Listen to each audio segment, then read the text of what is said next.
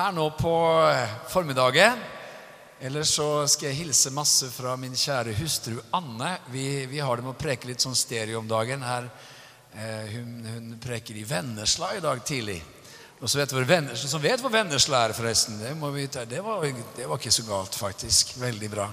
Det, det er jo ikke alle som vet hvor Vennesla er. Men vi har vært og hatt møter i Vennesla i helgen. Og, eh, men så herlig å få lov til å komme hjem til Jesus Church i dag. Wow, hvilken glede.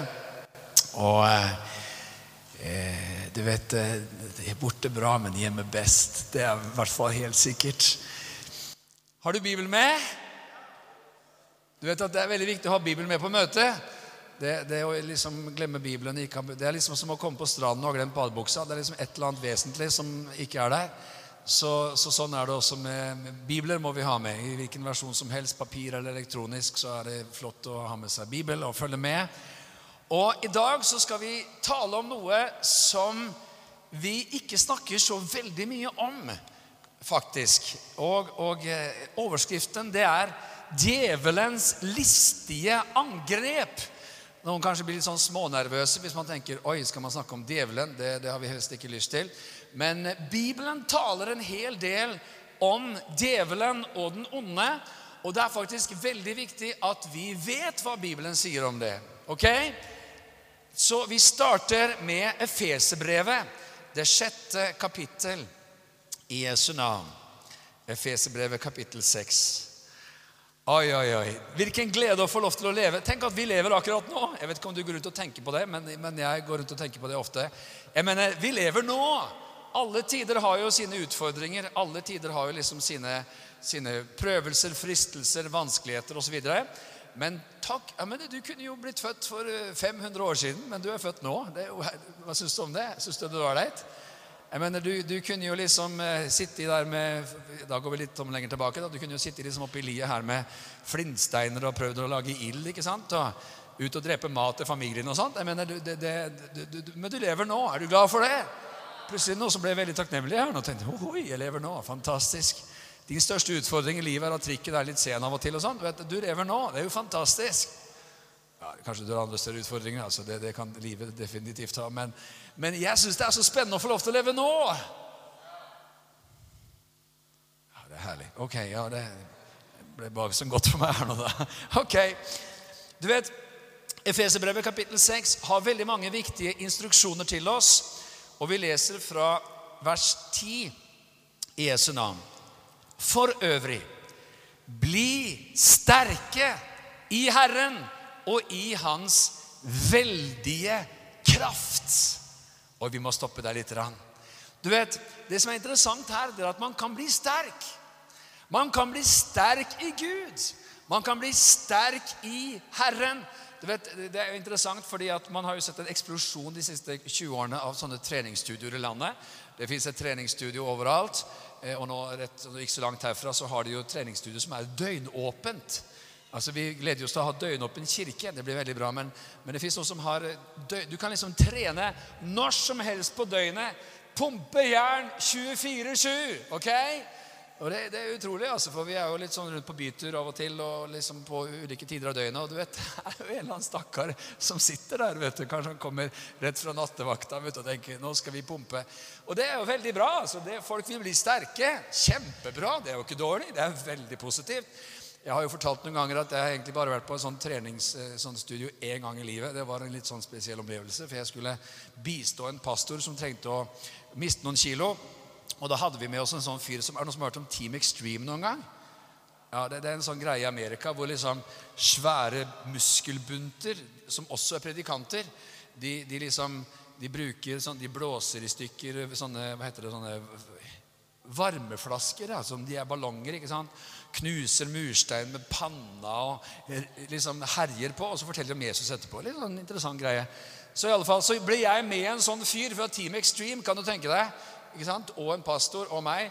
Og så skulle vi liksom hjelpe, og så skulle vi da pumpe jern. Så jeg fikk en sånn stang. Jeg syntes stanga var tung. Jeg. jeg, hadde liksom to, jeg hadde to sånne mikrokuler, liksom, en på hver side. Og liksom åh, Og de, jeg så disse andre gutta. Liksom, de, det var bare det lyste forakt hele veien. liksom. Hvem har sluppet inn han fyren der? ikke sant? Så, så det, det, var liksom første og siste gang. Det, altså første og siste, siste, skal jeg ikke si. Man skal aldri si aldri. Men, men, men det, er bra også, det er bra å bli sterk. Halleluja. Jeg har funnet andre måter, da. Men, men man kan faktisk bli, bli sterk i Herren. Ja, det, er, det, er, det, er, akkurat det. Det er liksom Visse kristne sammenhenger de snakker bare om styrke. Ja, der Man skal være så sterk. vet du. Ingen rom for svakhet og ingen rom for tvil. og ingen rom... Nei, det var ikke det vi sa. Du skjønner, det er, det er eh, det, Paulus, apostelen, sier at eh, når jeg er svak, så er jeg sterk. For Guds nåde fullendes i svakhet. Så, så det, er masse å si om dette. Men det er jo gode nyheter for en som er svak, at man kan bli sterk. Det hadde jo vært dårlige nyheter hvis ja, men du er svak, og svak skal du få bli, og svak skal du ende. Så sånn er det. Nei, Det går an å bli sterk, men det stopper ikke, det stopper ikke der. Det står ikke bare 'bli sterk'. liksom, Syk deg opp, liksom, dra deg opp i hop. Nei, det står 'bli sterk i Herren' og i Hans veldige kraft. Ja, du! Er ikke det herlig? Vet, der, er, der er løsningen. Bli sterk i Herren. Det er et sånt, også et gammelt eksempel som jeg har brukt noen gang, men jeg syns det er helt nydelig. fordi for, for, fryktelig mange år siden så var det en sånn film på, på, på, på kino om, om, noen bjørner Jeg vet, husker ikke hva bjørnen het engang, men det var noen franske filmer i hvert fall, fra Alaska eller et eller annet.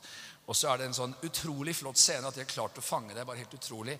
Men der, der er det en svær puma, svær, svart puma, som angriper en ørliten sånn, sånn babybjørn ikke sant? Som, som, som, står der. vet du. Og så har hun jo sett hva mamma gjør. vet du. Så liksom, Den lille bjørnen han bare reiser seg opp på to ben og liksom øh, står og prøver å være så skrekkinngytende som det bare går an for små bjørner å være. Og til sin store forundring så ser du at den, bjørn, den pumaen bare krymper og, og, og, liksom piler av gårde med halen mellom bena. Og den lille bjørnen bare mm, come on, ikke sant? Det han ikke vet, er at bak vet du, så står grizzlymamma. Tre og en halv meter så, så, så det, var, det, var, det, det, var, liksom ikke bare at det var lille grizzlybjørnen som, som, som, eh, som, eh, skremte pumaen.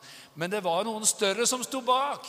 Og litt sånn er det med å bli sterke i Herren og i Hans veldige kraft. For når det er Hans kraft som gjelder, ja, men da skjønner man at det går an å bli, da går an å bli sterk. Amen. Når man kan på en måte tappe inn i Guds kraft, halleluja, og få styrke i sitt liv.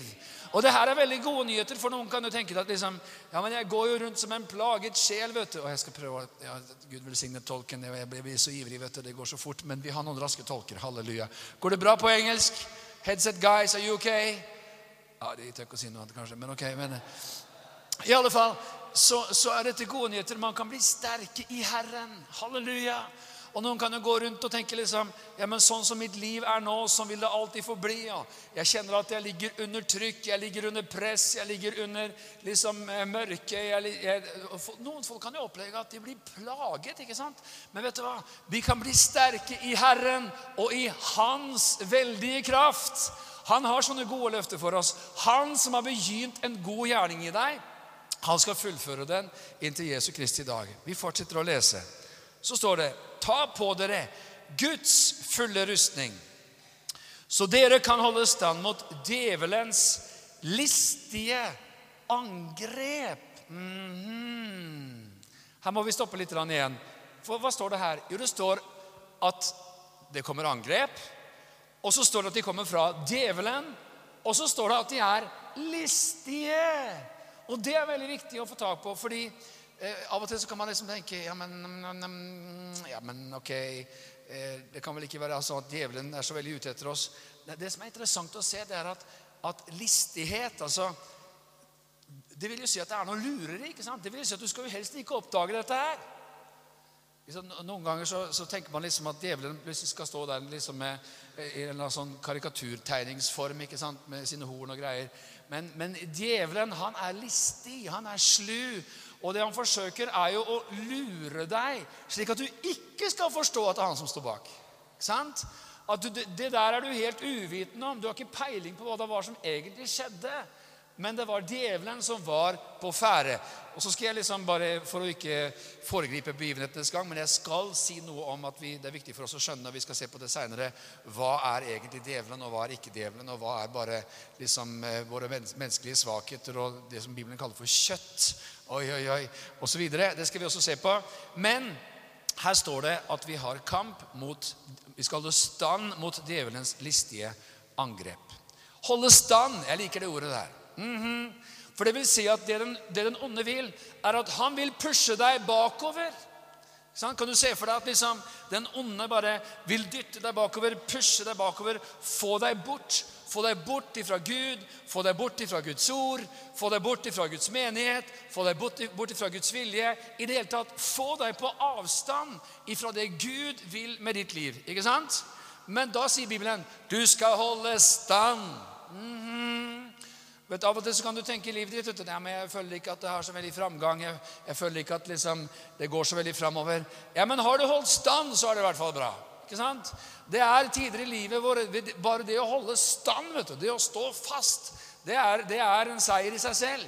Det å stå fast i Gud, i hans veier, i hans, i, i hans menighet. Det står at han som er plantet i Guds hus, skal blomstre.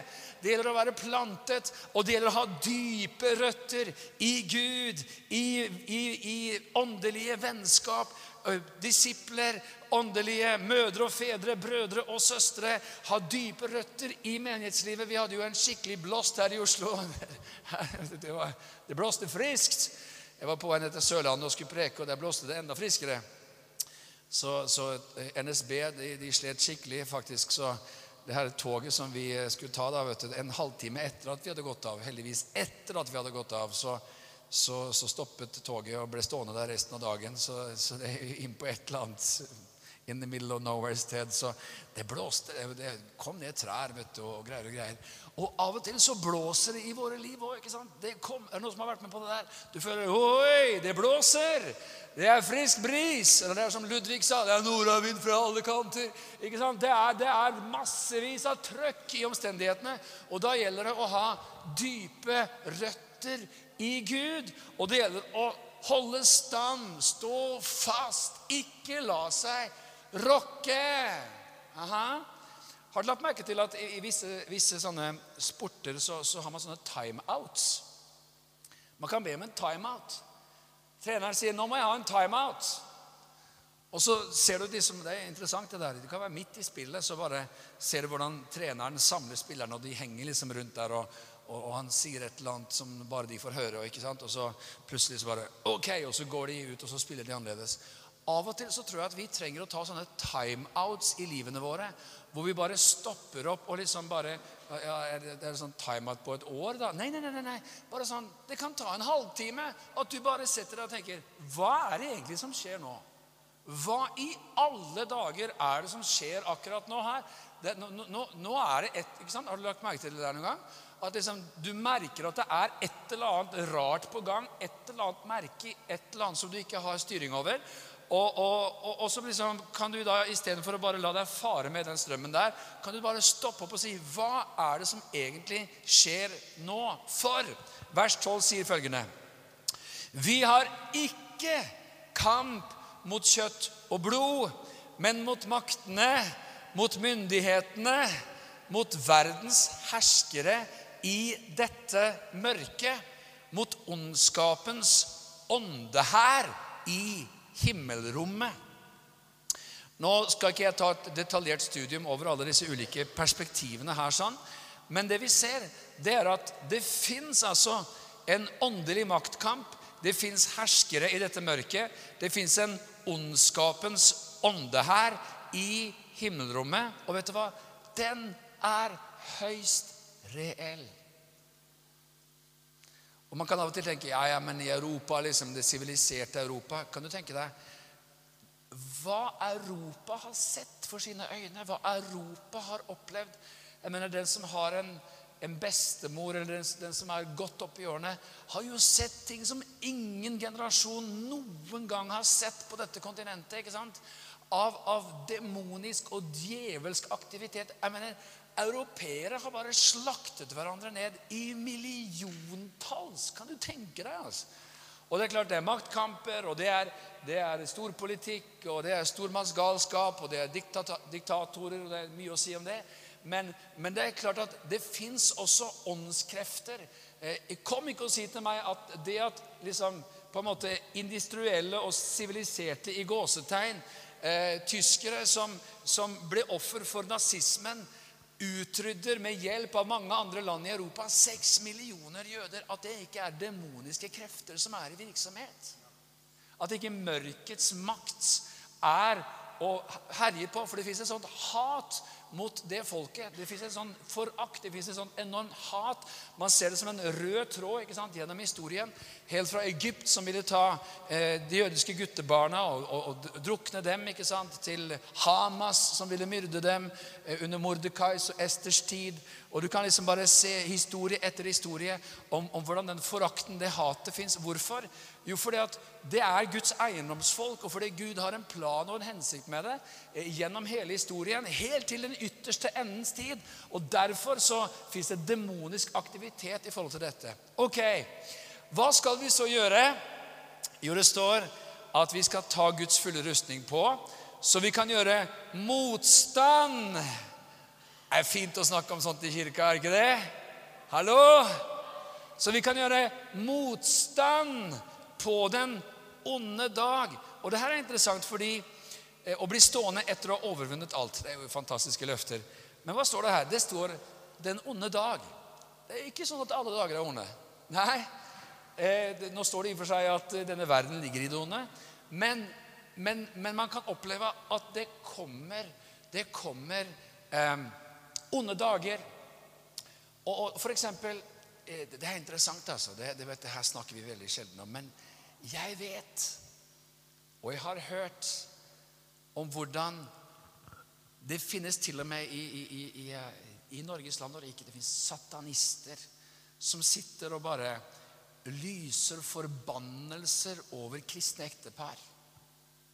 Som sitter og lyser forbannelser over kristne pastorer og deres ekteskap. Og som holder på og herjer på fordi de vet at hvis vi kan knekke de kristne ekteskapene, hvis vi kan knekke kristne pastorers ekteskap osv., så, videre, så blir konsekvensene så svære. ikke sant? Og det som er utrolig Hør nå her. Nå fins det veldig mye kjøtt. Det fins veldig mye som på en måte bare er Og vi kommer inn på det seinere. Ja, forresten, vi hopper inn i det med det samme, så vi kan se det. Hjelp meg. Men Galaterbrevet kapittel 6, unnskyld 5, så står det jo en helt utrolig liste om, om hvor mye som kommer ut ifra rett og slett den delen av oss som ikke er født på ny. For Bibelen taler om at, at vi er både vi er, vi, vi er, kropp, og vi er sjel, og vi er ånd. Eh, dette er jo et hele. Eh, samtidig så er det distinkte, for det Hebrebrevet 4,12 taler om, om Guds ord som er åndens sverd, som trenger igjennom til det kløver ånd og sjel og marg og ben og dømmer hjertets tanker og råd. Så, så, så det er et hele, men de er samtidig distinkte. Eh, og det er jo en forferdelig liste å vite hva vi egentlig drasser på i vårt kjøtt. Det er ganske, ganske interessant, for her står det i vers 19 eh, Skal vi se, vi kan ta fra vers 17, tror jeg. Eh, for ikke å si vers 16. Vandre i ånden, så skal dere ikke fullføre kjødets lyst. For kjødet begjærer imot ånden, og ånden imot kjødet. De to står hverandre imot for at dere ikke skal gjøre det dere vil. Er det noen som har opplevd at du noen gang har hatt noen sånne brytninger i ditt liv i forhold til litt sånn dragning mot litt forskjellige ting? At du liksom har én del av deg som bare Wow! Everything for Jesus! Og en annen del som bare vil ikke alt det der som Jesus vil. Er det noen som vet hva vi snakker om her? Ja, altså Hvis du ikke vet hva vi snakker om, så er du en engel i så fall. da, da, for denne kampen mellom kjød og ånd, eller kjøtt og ånd, den har vi jo alle sammen. Den, den er høyst reell. ikke sant? Ditt indre menneske står det, eh, sier med glede ja til Guds lov. I ditt indre så fins det en dragning mot alt som godt er, alt som er godt ifra himmelen. Din ånd vet du, vil ha samfunn med Jesus og vil ha tid i Guds ord og vil, vil gå på kristent møte. vet du, ikke sant? Mens ditt kjøtt vil jo alt mulig annet. Og nå skal du se på den lista, da. For her står det nemlig i vers 19 Kjøttets gjerninger er åpenbare. Det er slikt som utukt, urenhet, skamløshet, avgudsdyrkelse, trolldom, fiendskap, trette, avundssyke, altså eller misunnelse, sinne, ærgjerrighet, splittelse, partier, misunnelse, mord, drukkenskap, svirelag og annet slikt. Om dette sier dere på forhånd, som jeg også før har sagt til dere, de som gjør slikt, skal ikke arve Guds rike. Men åndens frukt er kjærlighet, glede, fred, langmodighet, mildhet, godhet, trofasthet, ydmykhet, avholdenhet. Mot slike er loven ikke. Og så står det de som hører Kristus Jesus til, har korsfestet kjødet med dets lidenskaper og lyster. Men bare hallo! Tenk deg, da. Det står i romerbrevet at det som kjøttet begjærer, eller kjøttets attrå, står det, er fiendskap mot Gud. Og det kan være greit å vite at selv om du er frelst, selv om Guds ånd bor på innsiden av deg, selv om dine synder er tilgitt, selv om du er blitt en ny skapning, så drasser du rundt på noe resten av ditt liv her nede på planeten som er i fiendskap mot Gud. Det blir ikke så mye ammen på å si sånt, selvfølgelig, men, men det, er være, det er greit å vite om det, er det ikke det? For av og til så kan du tenke liksom Det må være noe feil med meg. Sant? Man kan ikke være frelst, frelst og få dragninger mot sånt. Ikke sant? Man kan jo ikke være kristen og få lyst til å se på sånt, eller få lyst til å gjøre sånt, eller holde på med sånt. Det er jo ikke mulig. ikke sant? Og når du da har sånne, sånne kamper på innsiden, og du liksom kjenner at det, det, river og sliter i kjøttet, ikke sant?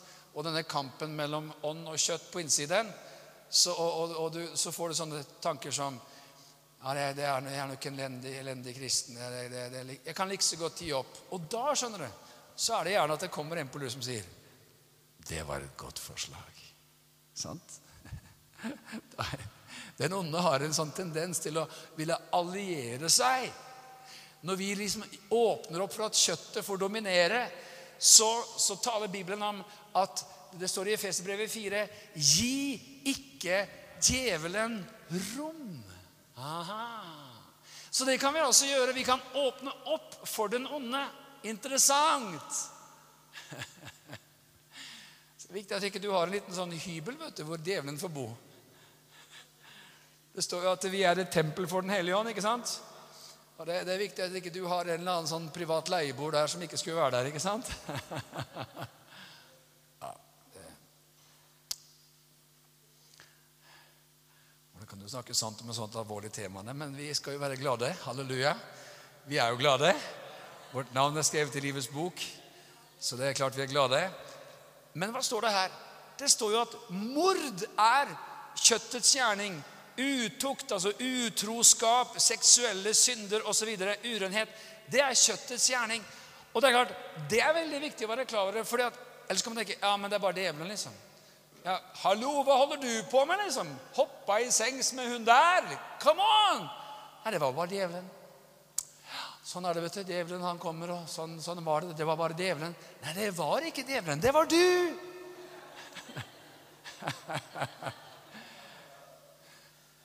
Hvordan kunne du si sånn til hun der? Ja, det var djevelen. Nei, det var du som sa det. Det var ikke djevelen som sa det. Det var du som sa det. Så du vet at det, av og til så, Det som er interessant, er at liksom, det, det, det, har en tendens til å bli sånne voldsomme pendelsvingninger. Og, og, og, jeg har levd lenge nok til å kunne være med på noen av disse og se noen av disse på nært hold også. Og hvordan plutselig så er det noen som får en åpenbaring. Oi, kjære venner, det fins jo en djevel. Det fins jo ondskap, det fins jo mørke, det fins demoner. Og til slutt så blir liksom alt demoner. liksom. Det, det, det, liksom det ene. Oi, oi, oi, alt er demonenes feil. Nei, vet du hva? Eh, det er langt ifra tilfellet. Og det er så viktig at vi liksom har evnen til å se, evnen til å skjelne, evnen til å forstå. For ditt og mitt aller største problem er ikke djevelen. Det er ditt og mitt kjøtt. Mitt største problem står her. Han heter Stefan Kristiansen. Altså, han er slitsom til tider, skal jeg si det. Å, kjære Gud i himmelen, som jeg kjemper med Han. Men Guds nåde er stor. Halleluja. Amen. Halleluja.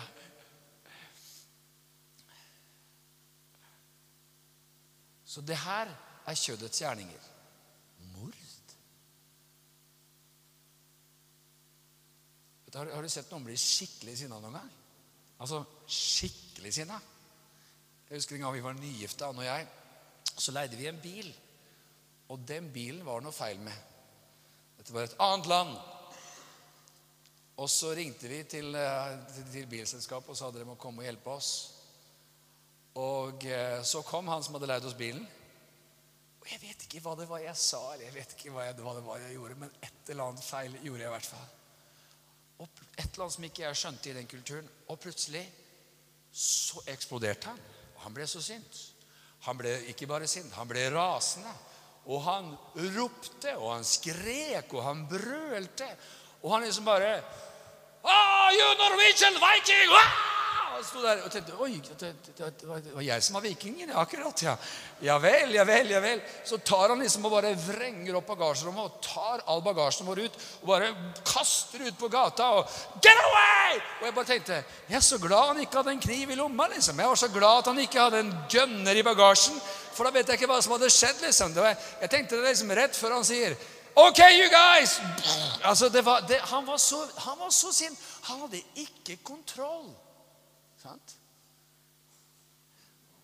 Man kan bli veldig sint.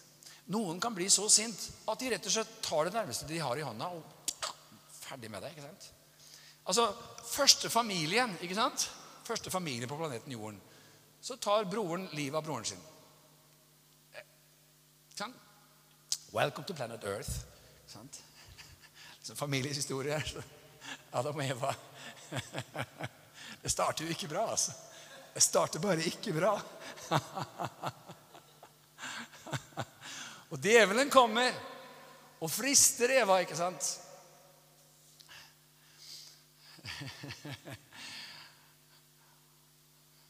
og han egentlig bruker det her samme trikset som han har brukt til alle tider. Det bruker han nå også. Hva er det han sier for noe til Eva? Han sier Har Gud virkelig sagt at du skal ikke ete av alle disse trærne som er i hagen? Har Gud virkelig sagt det?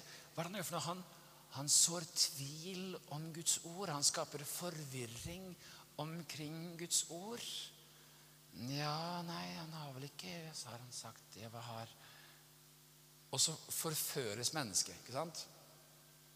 Og så, så gir hun til Adam, og så kommer Gud gående da, vet du, i hagen, vandrende i hagen. Sier 'Adam, hva har du gjort?' Og Det er liksom den første familiekrisen, vet du, og sånn har det vært siden nesten. Mannen unnskylder seg.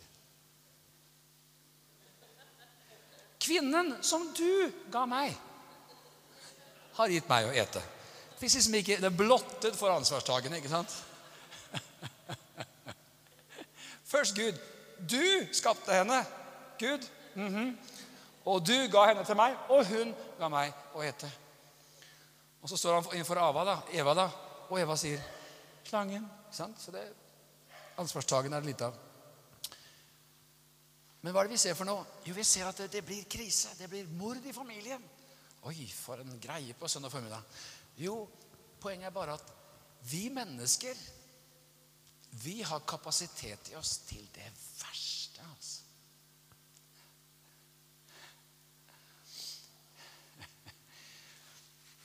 Til og med frelste folk kan gjøre fryktelige greier. Hva står det for noe her? Misunnelse, trette, sinne, ærgjerrighet, splittelse, partier Oi, oi, oi, oi, oi. Nothing new under the sun. Så alt dette her er en del av det vi trenger å kjempe med i vårt kjøtt. Samtidig, hvis vi nå går tilbake til Efeserbrevet og det sjette kapittel, så ser vi at det står skrevet følgende Vi har ikke kamp mot kjøtt og blod, men mot maktene, mot myndighetene, mot verdens herskere i dette mørket, mot ondskapens ånde her i himmelrommet. Det snakkes da også om de åndskrefter som står bak mennesker som gjør onde gjerninger. Sant? Ikke kjøtt og blod, men mot ondskapens ånde her. Ta derfor Guds fulle rustning på, så dere kan gjøre motstand på den onde dag og bli stående etter å ha overvunnet alt. Og her må jeg skynde meg å si at altfor ofte så er kristne altfor passive. Superpassive. Vi endler opp med å bli litt sånn Hva skal du si? Altså Neimen, den onde kommer, og den onde stjeler, og den onde ødelegger. Ja, ja, men det Som ble det bare Nei, det, vi skal gjøre motstand. Hvem skal gjøre motstand? Du skal gjøre motstand. Aha, aha, aha. Og av og til så trenger vi sånn wake up call. Wake up call i våre liv, i våre relasjoner, i våre familier, på våre arbeidsplasser osv. Fordi at den onde Hva sier Jesus om han? Johannes 10,10 10, så står det Tyven, den onde, kommer bare for å stjele, myrde og ødelegge. Jeg, sier Herren, er kommet for at dere skal ha liv og overflod. Og Av og til så er det nesten sånn at man tenker at den onde kommer og bare stjeler, og vi lar han stjele. ikke sant? And it's tricky sometimes. Ja Det er vel ingen som ser deg i den menigheten. Nei. Det er vel egentlig ingen som er glad i deg heller i den menigheten. Nei. Det er veldig kaldt, er det ikke det, i den menigheten? Jo. Jeg tror ikke de liker deg engang, jeg. Nei, jeg har vært inne på tanken.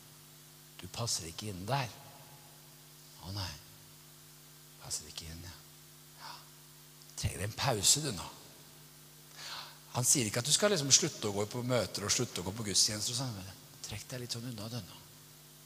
Trenger litt tid for deg selv, du nå. Høres ikke det sånn fint og riktig ut? Ikke sant? Sitt og depp litt med stearinlys og en kopp te. Hvis du hører på melankolsk musikk og funderer over livet.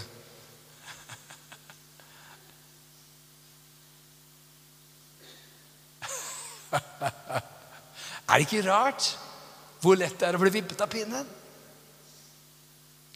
Så går det noen uker, da. Hvis du går tilbake nå, skjønner du, så vil jo alle tenke at du, det er et eller annet galt med deg. Så det beste er å ikke gå tilbake. Fortsett å holde deg hjemme, du. Du skjønner jo det at hvis de, de, de kommer til å tenke liksom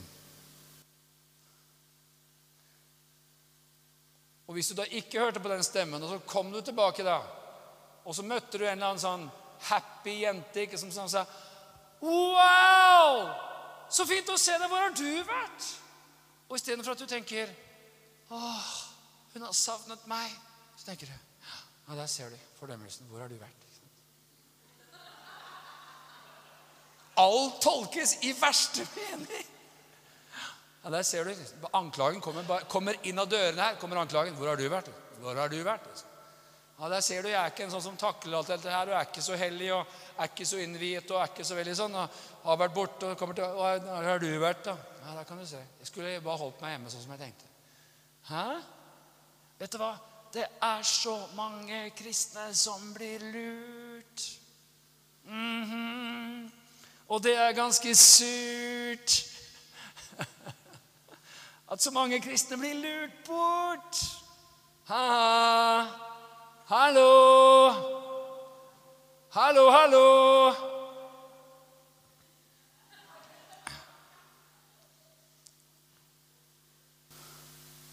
Du kommer aldri til å bli gift. I hvert fall ikke den menigheten, eller i hvert fall ikke noen kristne sammenheng. I hvert fall ikke med en kristen mann. Det er ingen kristen mann som er interessert i deg.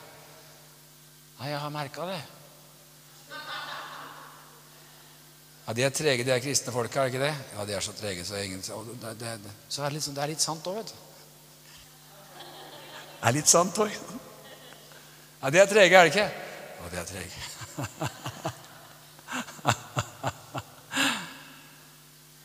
Men han er fyren på jobben altså han, er klart at Han deler jo ikke din tro, og han deler jo ikke liksom dine tanker om livet. Men han er jo veldig hyggelig med han. Ja, det er det. Få et fint liv sammen med han, du vet det. Slipp de her trege kristne gubbene, vet du. Det her blir fint, det her. Høres jo veldig riktig ut. Så blir det bare fryktelig vrient litt lenger fram. Det blir bare veldig vanskelig litt lenger fram. Sant? Ja, man holder djevelen på sånt, da. Mm -hmm. I think he does. I think he does. Oi, var det djevelen som sørget for at Nei, nei, nei altså, Glem nå alt som heter tilbakevirkende kraft her nå, men vi er jo her til sammen nå i hvert fall. Og vi, det, det, som er viktig for oss å skjønne, det er at den djevelen som vil stjele, myrde og ødelegge, han er jo ikke fornøyd før du er ferdig med alt. Borte fra troen, borte fra livet i Gud. Helst ta avstand fra hele greia. ikke sant? Helst bare klippe over alt sammen og bare hengi deg til et liv i elende og umoral. Det er nesten helt utrolig hvordan det er kristne i dette landet her som går på limpinnen i stort antall. Aha, aha, aha. Vi skal komme inn på det, det store bildet om en liten stund her. Men du skal stå stående, ombundet med sannhetens belte om livet, iført rettferdighetens brynje, ha som sko på føttene den beredskap som fredens evangelium gir. Grip fremfor alt troens skjold, som dere kan slukke alle den ondes brennende piler med. Du vet, Hvordan var det man brukte sånne brennende piler på den tiden? Jo, man, kan Du se for deg, du har kanskje sett en eller annen film med en sånn middelalderborg. Og så hadde man da brannpiler som man skjøt over muren. For at et eller annet skulle tenne an på innsiden av muren og skape forvirring og kaos og ødeleggelse. Og slik fikk man overtaket. Og slik er det den onde også jobber. ikke sant? Om han kan lykkes med å få skutt noen brannpiler inn over muren, inn i ditt sinn, eller for den saks skyld inn i menigheten, inn i det kristne fellesskapet, så, så, så tar jo de kristne hånd om sin egen fight. Så begynner de å fighte hverandre istedenfor å fighte han og gå fram og, og liksom utbre evangeliet og være tent for Jesus. Og så driver de og herjer på hverandre og tar livet av hverandre til slutt isteden. Ikke sant? Aha. Are you here in church this morning, somebody? Er du her? Ja.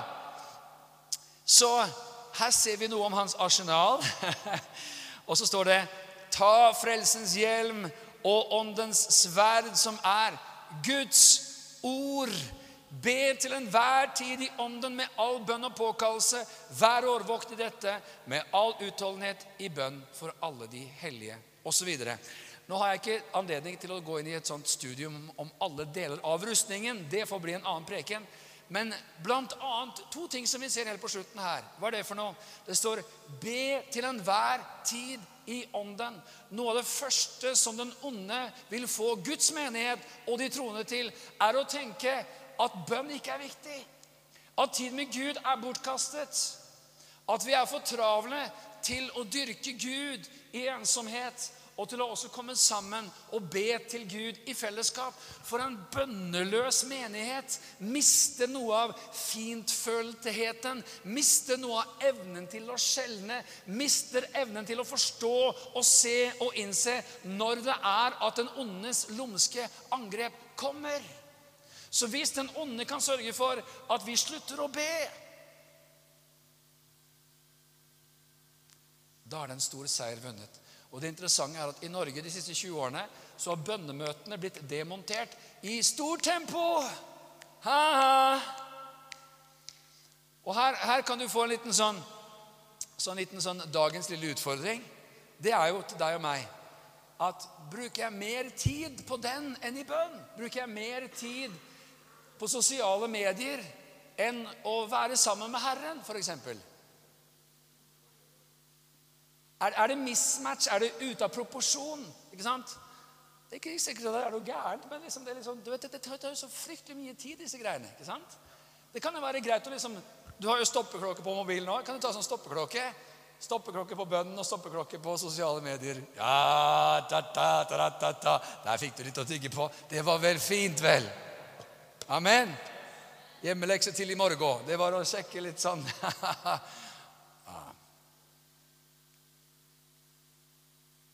ja, nå fikk jeg dårlig samvittighet. Men kanskje det var bra?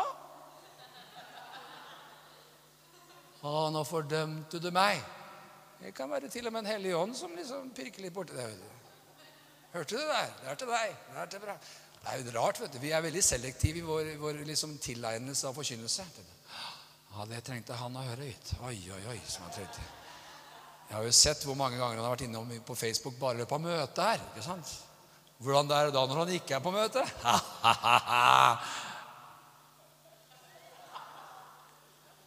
ja, Men er ikke sosiale medier bra? Jo da. Skal du følge én på, på, på, sosiale medier, skal du følge pastoren. ikke sant? Det er veldig viktig. For han er jo også misjonær, og han er ute i verden vet du, og forkynner evangeliet. Og, så, så, Det er veldig viktig å følge vet du, og gi, gi sånn likes og sånn. Go, pastor. Thank you. We pray for you. det er veldig bra. Ja da. Men eh, spøk til side. Det er klart, det er, det er mye bra med sosiale medier. Jeg syns det er kjempemorsomt, det, men alltid i rette proporsjon. Hallo! Hallo, hallo! Ok. Og så står det Åndens sverd er Guds ord. Mm. Mm -mm. You better know your weapon. Uh, uh, you better know your weapon. Yeah. Hey, hey, you better know your weapon. You better know your weapon. Så videre. Ah, det var en liten sang. Det står at ånden, åndens sverd er ordet. Det er jo et angrepsvåpen. ikke sant? Kan du tenke deg? La oss gå til Matteus 4. Så ser vi Herren Jesus demonstrerer hvordan det skal brukes.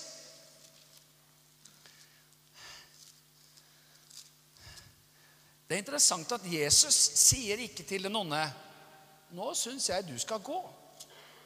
Han svarer med ordet. Han som er ordet svarer med ordet. Da sa djevelen til ham i Lukas 4,3.: Er du Guds sønn, da si til denne steinen at den skal bli til brød.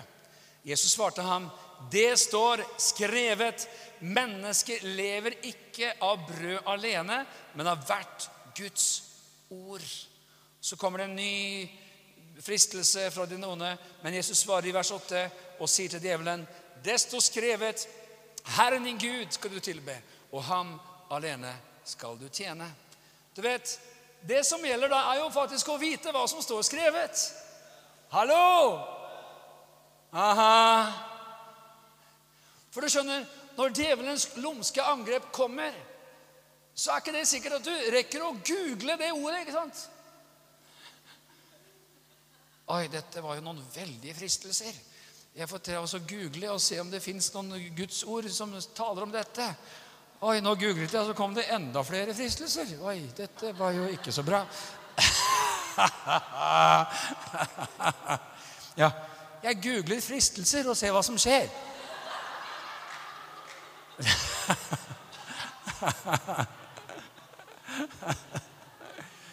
Vi er litt søte av og til, ikke sant? Er vi ikke det? Vi er så dumme at vi nesten er søte. Hæ? Jeg lurer på hva som skjer hvis jeg googler 'seksuelle synder'. Trenger ikke gjøre det. Hallo! Amen! oi, oi, oi.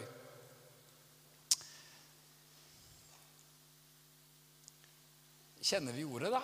Kjenner vi dette våpenet, Guds ord? Skal vi kjenne det, så må det være deponert på innsiden av oss.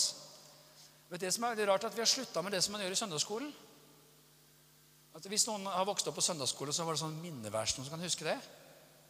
Fikk sånn liten sånn lapp, og sånn, så så det Matteus 4,4. 'Mennesket lever ikke bare av brød, men av er dag. Skulle du lære sånn vers og sånn. Og hvis du lærte verset, så fikk du premie. Noen av dere har fortsatt tatt vare på det her kortet. vet du. noen av dere har hengt det glass og ramme på ditt rom liksom, med sånn Men hva var det man gjorde når man var barn? Ofte så En del kristne som vokste opp i kristne familier, de, de skulle liksom lære sånne bibelvers utenat. Sånn. Hvorfor slutta vi med det? Hvorfor slutta vi med det? Hvorfor slutta vi? Hvorfor slutta vi? Hvorfor slutta vi med det? Jeg burde hatt band her oppe, men det har vi ikke. Men ok, hvorfor slutta vi med det? Vi må jo fortsette med sånt. Lære seg Guds ord. Amen. Amen. Aha. Og det trenger litt tid. Aha. Og det trengs litt tid daglig. Amen. For det kalles jo for mat, ikke sant? Mennesker lever ikke bare av brød, men av hvert ord som utgår fra Guds munn. Aha, aha, aha. Aha, aha. Så du må jo spise Guds ord for at du skal bli stor og sterk. Ikke sant? Nei, jeg kjenner ikke noe for å lese Bibelen. Jeg, jeg har ikke sånne følelser, jeg. Hvor skal du føle så mye, da, for alt mulig? Du gjør veldig mye du ikke føler for. det. Du kan jo bare prøve å si ja, 'Hvorfor var ikke du på jobben i går, da?' 'Jeg følte ikke for det.' Hallo? Bare prøv, liksom. Hvorfor betalte ikke du den strømregningen? Jeg følte ikke for det. Ja, Det kan du bare føle eller ikke føle, men du kommer til å merke det etter hvert. At du, du, kommer til å føle at du ikke betalte den, for det blir veldig kaldt i det huset ditt etter hvert. Fordi strømmen blir skrudd av fordi du ikke følte for å betale den regningen. Ikke sant? Jeg følte ikke for det. Har du spist i dag? Spist i går? Har du spist siste uka? Er det sånn at liksom hver morgen så er du overbegeistret for knekkebrødet du skal spise? liksom? Uhu! Nei, men vi spiser. Vi må ha det. Jeg vet det er sånn søndagsskolegreier, men, men fy så viktig det er. For du skjønner at vi, vi, jeg, jeg, tror at bibelkunnskapen går kraftig ned i vårt land. Samtidig som underholdningsmuligheten er gigantisk, ikke sant? Da kan det være en idé, kjære søster, å droppe en Netflix om dagen. Halleluja og ta seg litt tid med Guds ord. Og snakke litt med Han som i himmelen bor. Ja, men jeg mener det litt sånn småseriøst. Altså, eh, her er det sånn Endetidsgenerasjonen skal bringe inn den store høsten før kongen kommer tilbake. Utføre misjonsbefalingen, bygge Guds menighet, gjøre disipler, helbrede de syke. Jeg mener utføre Guds gjerninger. Og så har du liksom 100 millioner kristne. 444 episode av et eller annet sykt idiotisk som ikke er bra i det hele tatt. Does anyone know what we're talking about in this place? Hallo!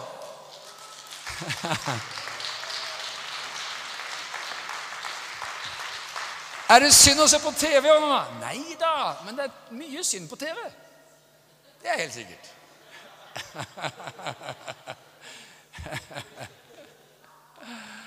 Å, kjære Gud. Jeg skal få komme ut av dette sporet. Men det, kanskje det var bra. Noen som trengte dette her. Ja, det er bra. Takk skal du ha. Jakob kapittel 4. Vi rekker et par ting til. Åh, jeg kjenner liksom jeg begynner å komme inn i dette her nå. Kjære Jesus. Halleluja. Vet du hva? Jeg husker en gang at det var en avis i Norges land. Den varte ikke så lenge, men den het Troens Verden.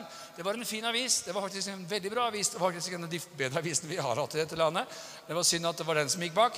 Men ok, eh, den gikk bak. Men jeg husker første gangen jeg holdt i et nummer av avisen Troens Verden, og jeg tenkte bare nei.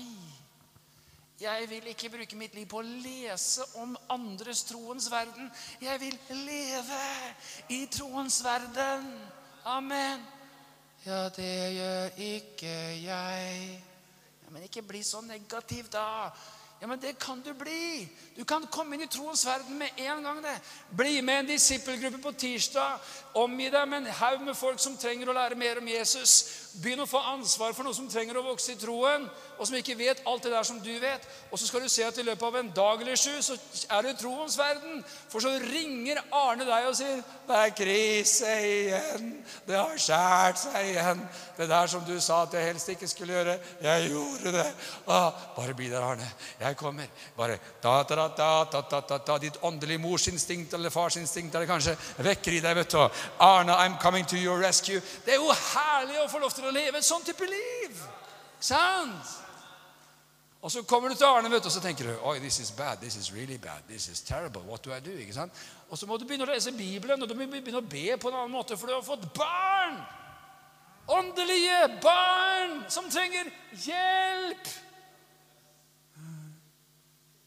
Jeg mener, å, jeg skal prøve å gå videre. Men vet du hva?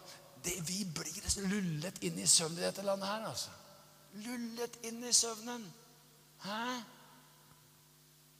Og Jeg må ta enda en runde på det. Jeg skal egentlig ikke gjøre det, men jeg får så lyst til å se det. Fordi For, for noen så er det liksom sosiale medier, og for andre så er det andre ting. Det er bare sånn, sånn nyhetsmani. Sånn nyhetsnarkomani. Ikke sant? Hvis du følger med en gang om dagen om hva Erna og Donald og disse har sagt, så, så tror jeg du er rimelig oppdatert. Sant? Du trenger jo ikke liksom vite det hele tiden. Hva sa Donald i stad? Hva sa han for en time siden? Hva tvitret han for en halvtime siden? Hva hadde han akkurat tvitret? Og hvordan reagerer Kim på at Donald sa det? Og hva skjer nå? Og hva tror folk at Kim kommer til å tenke når, i og med at Donald kommer til å gjøre det? Altså, Vi er jo en sånn verden som driver og Vi er jo sånn nyhetsjunkier. Hallo? Sånn voksengreie, ikke sant? Hallo? Jeg mener, Tenk å bruke endetiden på å spille dataspill, da. her tar vi det fra alle kanter. Jeg syns det er kjempegøy, dette her. Hæ? Du skal jo stå innenfor Jesus og avlegge regnskap, står det i 2. Korinterbrev 5.10. Hva gjorde du i endetiden, da? Ja Du, Det var et sånt spill, Jesus. Jeg vet ikke om du har hørt om det. Jeg kom veldig high opp i levelsen. Altså. Det var helt utrolig. Var, mitt navn var kjent i vide kretser. sånn da, så det kan ikke holde på sånn. Get alive, somebody! Ikke sant? Vi må jo leve livet, ikke bare sitte og se inn i skjermer på hva slags liv andre lever. Det blir for dumt, rett og slett. Det blir for dumt og for tråkig, kjedelig, boring, langweilig in Deutsch. Ja! Ja! Hæ? Omgås folk Fyll huset, lag middag, gjør disipler, dra på misjonsreise, kom på bønnemøte, lovsang, ha det gøy, herje, skli ned korketrekkeren mens du synger 'Abba, far', men snø nå ikke inne foran skjermen!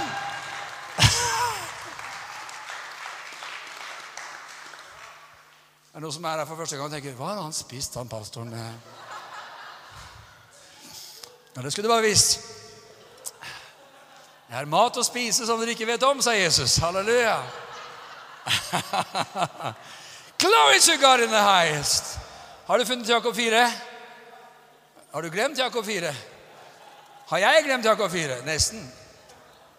Jakob 4, 7 så står det Vær derfor Gud undergitt, men stå djevelen imot, så skal han fly fra Jesus det står vel det. Det står 'stå djevelen imot, så skal han fly fra deg'. He's gonna flee from you. He's gonna flee from you. Gonna flee from you.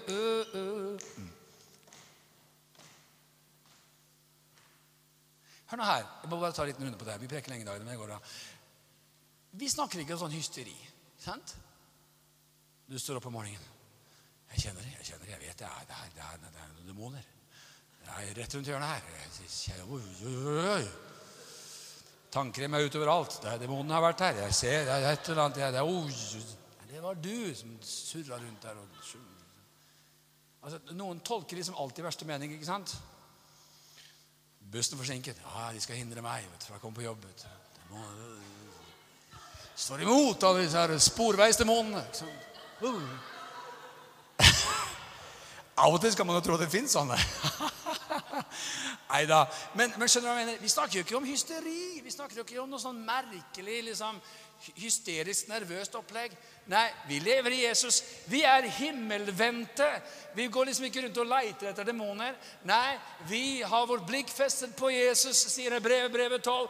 Vår tros opphavsmann og fullender. Amen. Jeg er en Jesus-person. Det er min eneste visjon. Vi følger Jesus. Amen. Vi tilber Jesus. Vi er glade mennesker. Men så står det noe annet. I andre Korinterbrev, kapittel 2 Vet du hva som står der, min venn? Så står det i vers 11. Andre kor 2, 11. For at vi ikke skal bli overlistet av Satan. For hva han har i sinne, det er vi ikke uvitende om. We are not ignorant of his devices. Ok? Hva står det i 1. Peter kapittel 5, vers, 10, vers 8? Vær edrue, våk. Deres motstander, djevelen, går omkring som en brølende løve og søker noen han kan oppsluke. Stå ham imot, faste i troen. For dere vet jo at brødrene deres rundt om i verden må gå gjennom de samme lidelser. Når jeg snakker om disse tingene her, så bruker jeg av og til dette eksempelet som, som, som er fra Jeg vet jeg liker sånne naturfilmer. Jeg vet det, det, vet alle mine barn at jeg liker naturfilmer. vet du. Det fins jo selvfølgelig et visst metningspunkt for sånn da, når, når, jeg sier 'Skal vi ikke se på havets fisker i kveld, Der? Jaha Men Men det er så interessant nå, vet du, for nå, det, det er kommet mange sånne nye naturfilmer. Har du lagt merke til det? Etter at de liksom har fått sånn utviklet eh, droner og sånt. Det er jo en helt annen greie man kan se. Det er fantastisk.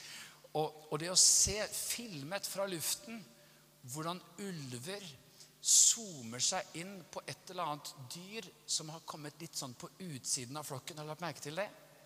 De går jo ikke på liksom, et eller annet dyr som er midt i flokken, men et eller annet som har begynt å komme litt sånn på avstand, på utsiden, i periferien. Og så Der, der går de.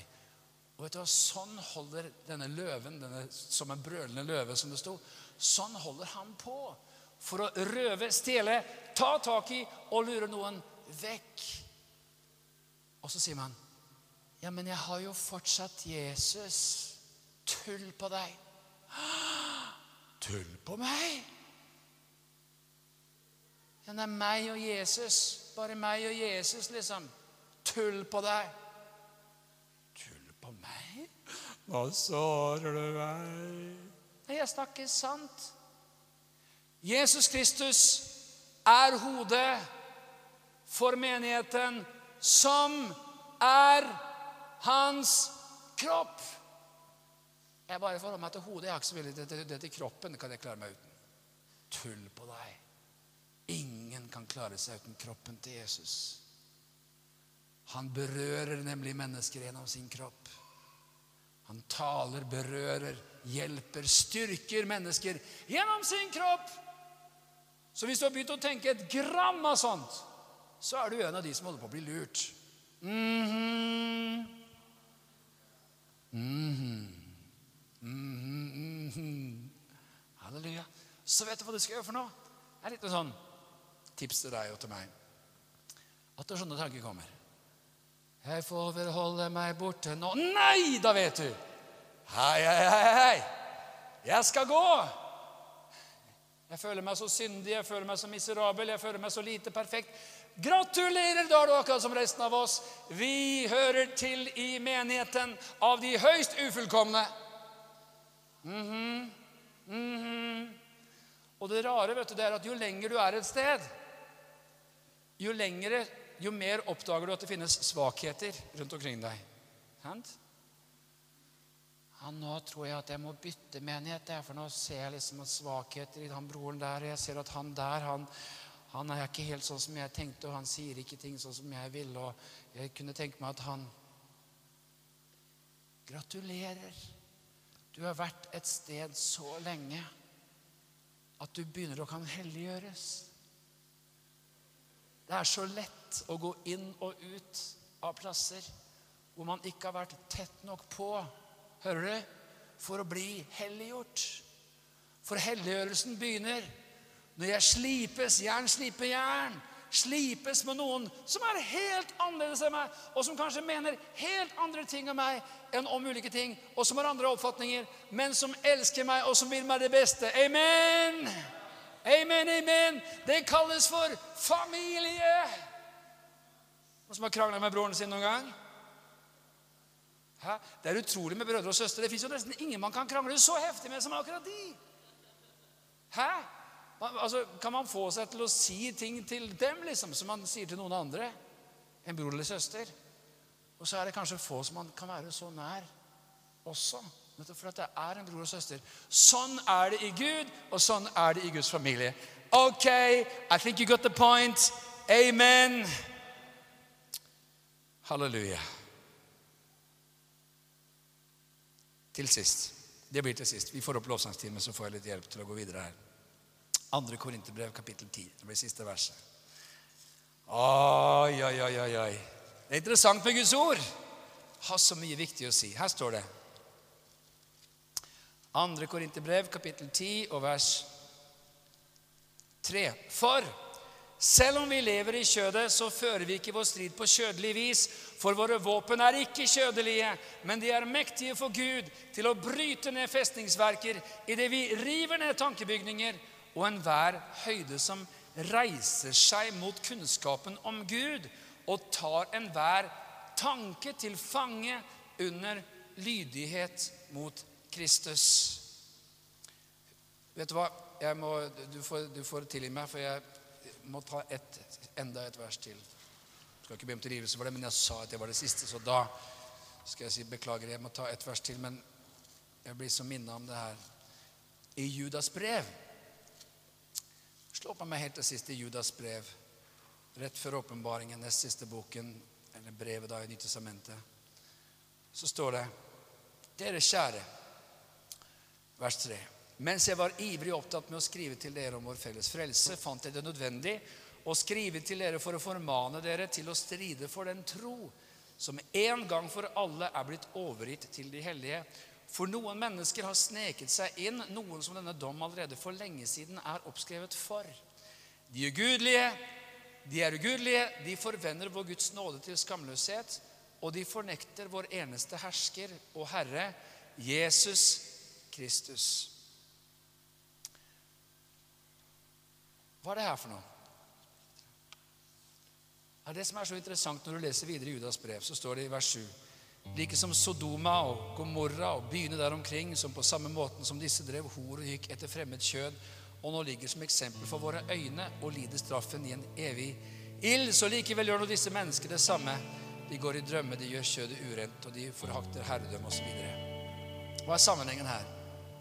Det som er så interessant, det er at både i våre liv, men også i et samfunn eller i Guds rike, så kan det bygges opp hele tankebygninger, altså systemer av tanker, som blir svære som bygninger, som reiser seg opp imot kunnskapen om Gud. Og hvordan er det man bygger en bygning? Det er liksom ikke smakk, der har vi bygningen. Sten på sten. Sten på sten. Og det er det som kan skje i våre sinn også. Det kommer inn en stein som er en liten tanke som reiser seg mot kunnskapen om Gud. Ikke sant? Og det er ikke så farlig. Men hvis den blir værende, og den får kompaniskap av en tanke til, og en tanke til, og en tanke til, så kan det der lille, som egentlig ikke var så veldig svært, ende opp med å bli en svær tankebygning. Og det kan til og med skje i et land det kan skje i en menighet, og det kan skje i en kristen bevegelse eller kirkesamfunn. At det kan være ting som for 30 år siden er helt fjernt. Og så kommer det inn en tanke som at ja, men skal vi ikke se på dette med litt andre øyne? Jo, men det kan vi jo selvfølgelig gjøre. Ja, men han mener jo, han føler jo, de opplever jo Og så kommer liksom den ene tingen etter den andre opp. Og til slutt så reiser det seg tankebygninger som er helt i motsatt av det Guds ord sier. har Gud virkelig sagt? Hva må vi gjøre da? Ta tankene til fange. Rive dem ned. Og hva er vårt våpen? Åndens sverd. Guds ord. Det er nesten ikke til å tro at sakte, men sikkert Hvordan er det du tar livet av en frosk? Det finnes sikkert mange måter. men man har sagt at man legger en frosk i en kjele kaldt vann som settes på varme. Og så setter man på temperaturen. Så blir det litt varmere, og så anpasser den seg. Så blir det litt varmere, og så anpasser den seg. Så blir det litt varmere, og så anpasser den seg. Og til slutt 100 grader koker, frosken er død. Og av og til så tenker jeg, når jeg tenker på liksom samfunnsdebatten, trendene, ting som er på agendaen i kristne sammenhenger Hvordan skal vi møte med det? Hvordan skal vi møte med det? Hvordan skal vi møte med det? Så tenker jeg bare Kjære Gud i himmelen. Vi er i gryta. Og varmen er skrudd på. Men det er ikke for seint å hoppe ut av gryta, holdt jeg på å si. Det er ikke for sent å, å, å, se gjennom den ondes planer og våkne opp og liksom Come on! Kan du tenke deg at på evangeliske misjonskonferanser for et par hundre år siden når en av de mest kjente misjonærene reiste seg opp, pionerene, for å si at vi må gå til jordens ytterste folk, eh, til ender for å utføre misjonsbefalingen, så sa lederne i de evangeliske misjonsselskapene Hvis Gud ville frelse hedningene, så tok han hånd om det selv. Hallo! Evangeliske kristne kirker i Europa. Og når vi leser det i dag, så tenker vi det er jo helt fjernt. Det der er jo crazy. Har du ikke lest Bibelen? Det står jo rett fram. Det er jo helt åpenbart. Vet du hva? Like fjernt er det å ikke se at til mann og kvinne skapte han dem. Like fjernt er det å ikke se Hva er det som skjer? Gigantiske tankebygninger som reiser seg, og som skjuler for evangeliets enkle sannhet. Aha. Sånn kan det skje med et samfunn, men det kan også skje i våre liv. At det bygger opp sånne tankebygninger som er helt imotsatt av det Guds ord sier. Derfor er det viktig for deg og meg å forstå at vi er i en kamp, men halleluja, han har vunnet seieren. Han sitter på tronen. Han er i oss, og vi er i han. Og han har gitt oss alt som tjener til liv og gudsfrykt. Og han har gitt oss sitt ord som sitt våpen. Skal vi reise oss opp, alle sammen? Amen. Halleluja! Vet du hva, Nå skal vi ta oss og feire nattverd sammen. Og vet du hva det her til og med er for noe? Det her er litt sånn krigføring det år, skjønner du. Visste du det? Det er, det er å stå på Jesus' seier og feire nattverd. Det er en grunn til at vi feirer nattverd hver uke, for det gjorde de første kristne. Og når vi feirer nattverd, hva er det vi gjør for noe? Jo, det står at så ofte som dere gjør det, forkynner dere Herrens død inntil Han kommer. Er det noe den onde er nervøs for, så er det at Jesus skal komme tilbake igjen. Er det noen, noe den onde ikke vil at de kristne skal tenke på, så er det at Jesus kommer tilbake igjen. Egentlig så vil den onde at vi helst ikke skal tenke at han i det hele tatt fins. Så han kan operere helt liksom sånn i det skjulte. Men når vi feirer nattverd, vi kan lese det sammen i 1. Korinterbrev, kapittel 11 Kan du bare se det med litt sånn nye øyne akkurat her og nå? Så står det Jeg har mottatt fra Herren det som jeg også har overgitt til dere. At Herren Jesus den natt da han ble forrådt, tok et brød, takket, brøt og sa:" Dette er min kropp som er for dere. Gjør dette til minne om meg. Likeså tok han også begeret etter aftensmåltid og sa, Dette begeret er den nye pakt i mitt blod. Gjør dette så ofte som dere drikker av det til minne om meg. For så ofte som dere eter dette brødet og drikker av dette begeret, forkynner dere Herrens død inntil Han kommer. Så hver gang vi feirer nattverd, så sier vi Jesus kommer. Herrens kommer. Amen. Det står til og med i Fesebrevet 3.10 at Guds mangfoldige visdom nå skal kunngjøres til makter og myndigheter gjennom menigheten. Så en nattverdsfeirende menighet er en menighet som løfter opp Jesu Kristi seier. Amen. Men også for deg i ditt liv så er det her så viktig. Amen. Om det bare var det, sant? Å komme seg på gudstjeneste og feire nattverd, så var det verdt å gjøre det. Hvorfor? Jo, det står i kapittelet før 2. Korinterbrev, kapittel 10. Begeret som vi drikker, er det ikke samfunn, fellesskap med Jesu blod? Brødet som vi bryter, er det ikke samfunn, fellesskap med Kristi kropp? Det er et herlig mysterium. Prøv å forklare det. Det går ikke. Bibelen kaller det for et mysterium. Men vi vet at der hvor to eller tre er samlet i hans navn, så er han midt iblant oss. Prøv å forklare det.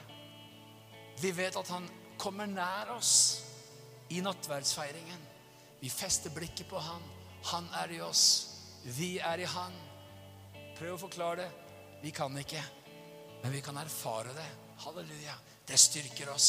Og det drar oss hver uke inn i kjernen av vår tro. Amen. Jesus Kristus har vunnet en evig seier. Jesus Kristus, han har dødd for mine synder. Jesus Kristus, han har gjort alle ting nye. Jeg er en ny skapning i Jesus Kristus. Det gamle er borte, og det nye er blitt til. Wow! Jeg er renset i Jesu blod. Halleluja! Amen! Fins det noe viktigere? Wow, så godt. Amen. Så vi vil takke deg for